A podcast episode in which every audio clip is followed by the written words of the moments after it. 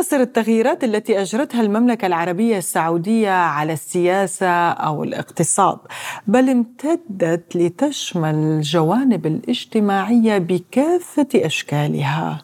وشملت الثقافه والفن وصناعة السينما التي تغوص في أعماق المجتمع السعودي وتعبر عنه بكل تفاصيله. صناعة السينما ودور المرأة السعودية به هو موضوع حلقة اليوم من أرب بوينت بودكاست معي أنا نغم كباس. وأنا علي مية. أهلا بكم.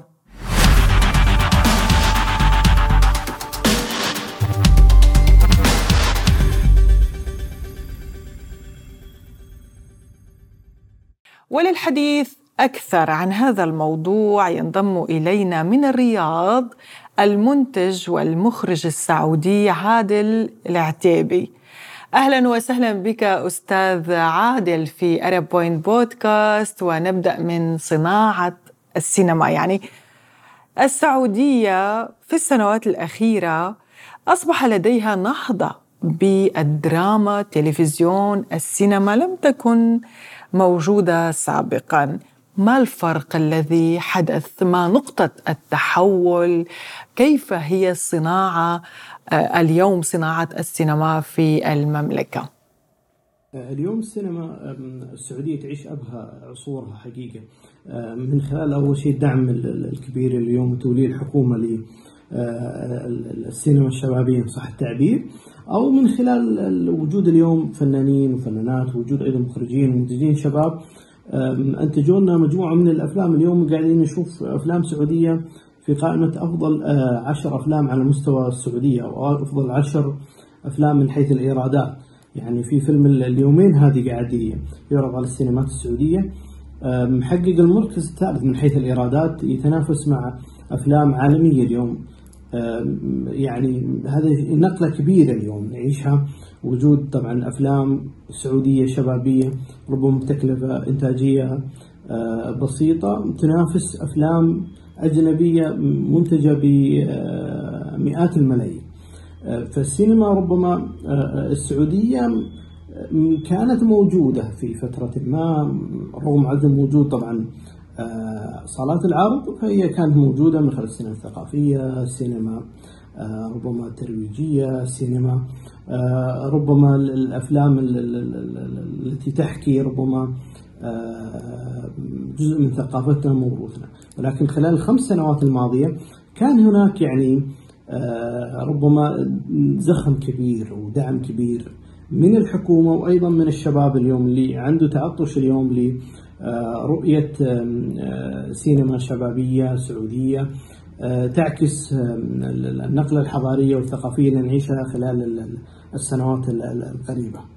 أستاذ عادل ولكن المجتمع السعودي مجتمع له خصوصيته الثقافية، فكيف ينظر هذا المجتمع؟ ما هو موقف هذا المجتمع من المرأة التي تعمل في صناعة السينما والأفلام؟ اليوم مشاركة المرأة يعني ممتدة على أكثر القطاعات في المملكة العربية السعودية. نراها اليوم سفيرة نراها في مواقع قيادية نراها في شركات كثيرة. اليوم دور المرأة قاعد يعني آه، يتعاظم اليوم ويصبح أكثر تأثيرا. آه، المجتمع اليوم ينظر طبعا باهتمام وبمحبة آه، كبيرة للنصف الآخر من المجتمع اللي هو المرأة. وينظر لها بأنها تستحق ربما الأكثر في في في السينما وفي غيره. اليوم مشاركة المرأة أصبحت ملموسة في كثير من القطاعات ومنها السينما اليوم التمثيل. كثير من اليوم آه، بناتنا وأخواتنا اليوم قاعدين يشاركون في آه، مسلسلات آه، وأيضا في برامج وفي أيضا أفلام اليوم قاعدة تعرض في شباك تذاكر مشاركة كبيرة. المجتمع أنا أعتقد أنه بدأ يعني يختلف في نظرته السينما والفن عموما وهذا يعني أمر جيد على المدى آه، ربما القادم إن شاء الله. طيب أستاذ عادل يعني إذا هيك حكينا عن شيء طريف صار معك بما أنه حضرتك منتج مخرج و...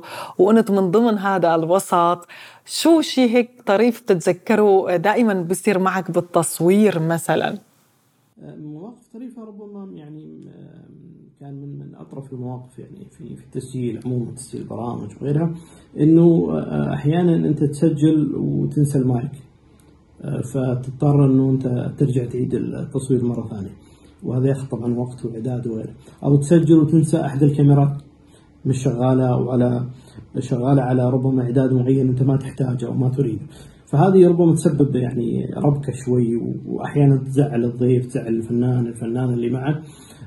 بس في النهاية أنت مضطر إن أنت يعني تتحمل لأنه أنت اوريدي لما تدخل في مجال الإنتاج عندك وقت مفتوح. يعني ممكن تبدأ الصباح تنتهي آه، في المساء وتنتهي الساعة واحدة ثنتين بعد منتصف الليل. وهذا يشكل ضغط كبير على على فريق الإنتاج وخصوصا مع ربما قرب بعض الاستحقاقات اللي أنت تحاول تنتهي من كل الأعمال. أيضا من المواقف اللي بصراحة تذكرها دائما وتكون مزعجة شوي إنه بعض استاف العمل أو بعض الضيوف أو إنهم يتأخرون يعني عن وقت العمل أو وقت المحدد لهم. فهذا طبعا يحدث ربكة ويحدث إشكالية في في في location التصوير. المخرج والمنتج عادل العتيبي كنت معنا من الرياض. شكرا لك. لا تنسوا الاشتراك بقناتنا على يوتيوب فيسبوك وتويتر.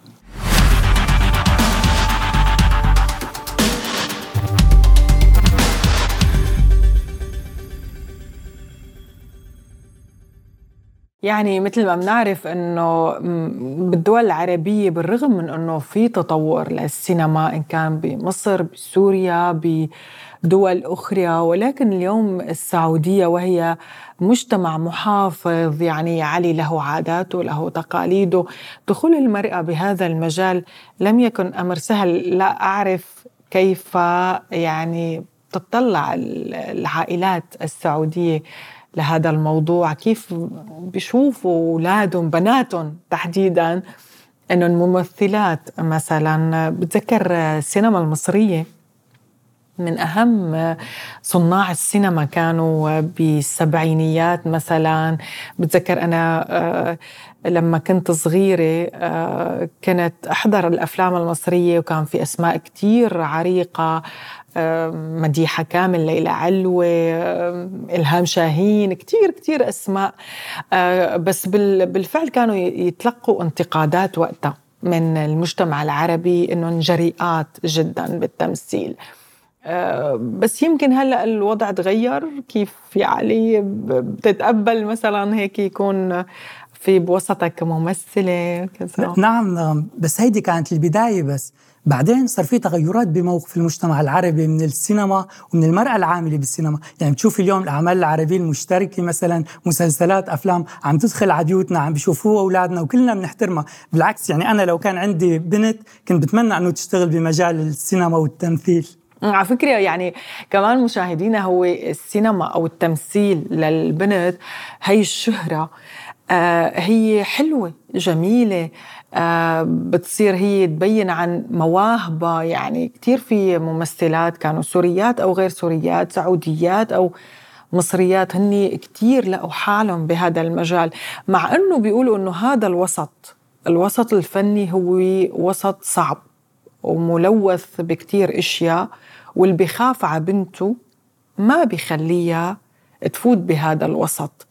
ولكن بالنهاية يا علي إذا الوحدة هي شخصيتها قوية وبتقدر تحافظ على نفسها وعلى ذاتها فأكيد ما بتوقع إنه الوسط مهما كان التيار آه، يعني جرفها أو هاي ما بتوقع يأثر كتير عليها.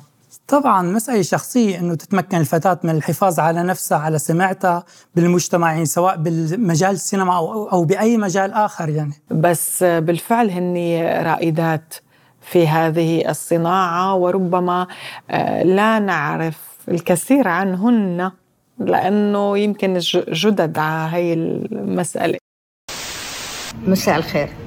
بصراحة لم يكن من السهل ابدا أن تكون المرأة السعودية ممثلة ومخرجة في هذا المجتمع خصوصا مع بدايات آه، انطلاق التلفزيون السعودي أو افتتاحه في الستينات. آه، كان الموضوع صعبا جدا فكنت من أوائل النساء اللواتي دخلن هذا المجال. بعد دراستي طبعا في الولايات المتحدة الأمريكية. بعد دراسة الإخراج والتمثيل لم يكن سهلا أبدا أن يتقبل المجتمع امرأة تعمل في هذا المجال. آه، وقد عانيت الكثير آه، بالطبع وتغربت وسافرت. كذلك لم يكن بعض الأهل والأقارب يتقبلون الموضوع.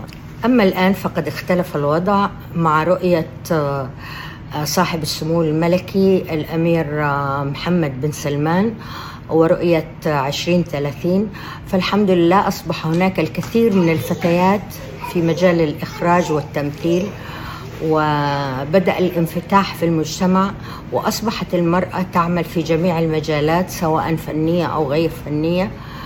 آه، وأصبح هنالك الكثير من الرائدات والحمد لله. في الحقيقة واجهتني الكثير من التحديات. آه، بداية أنني لم أستطع أن أخرج في آه، أمارس الإخراج في بلدي. عندما تخرجت وعدت في الثمانينات وكان 1985 مما جعلني أترك آه، المملكة العربية السعودية وأعمل في الكويت آه، لأن المجال كان أسهل ومفتوحا لي. واستمرت التحديات مما جعلني أسافر إلى آه، جمهورية مصر العربية وأعمل في القاهرة في التمثيل ومارست الإخراج قليلا بالإضافة إلى عملي كمراسلة صحفية أجنبية. عدت إلى المملكة من حوالي عشر سنوات والحمد لله الآن أمارس التمثيل بكل حرية مع الكثير من الفتيات المجتهدات والدارسات للإخراج والتمثيل.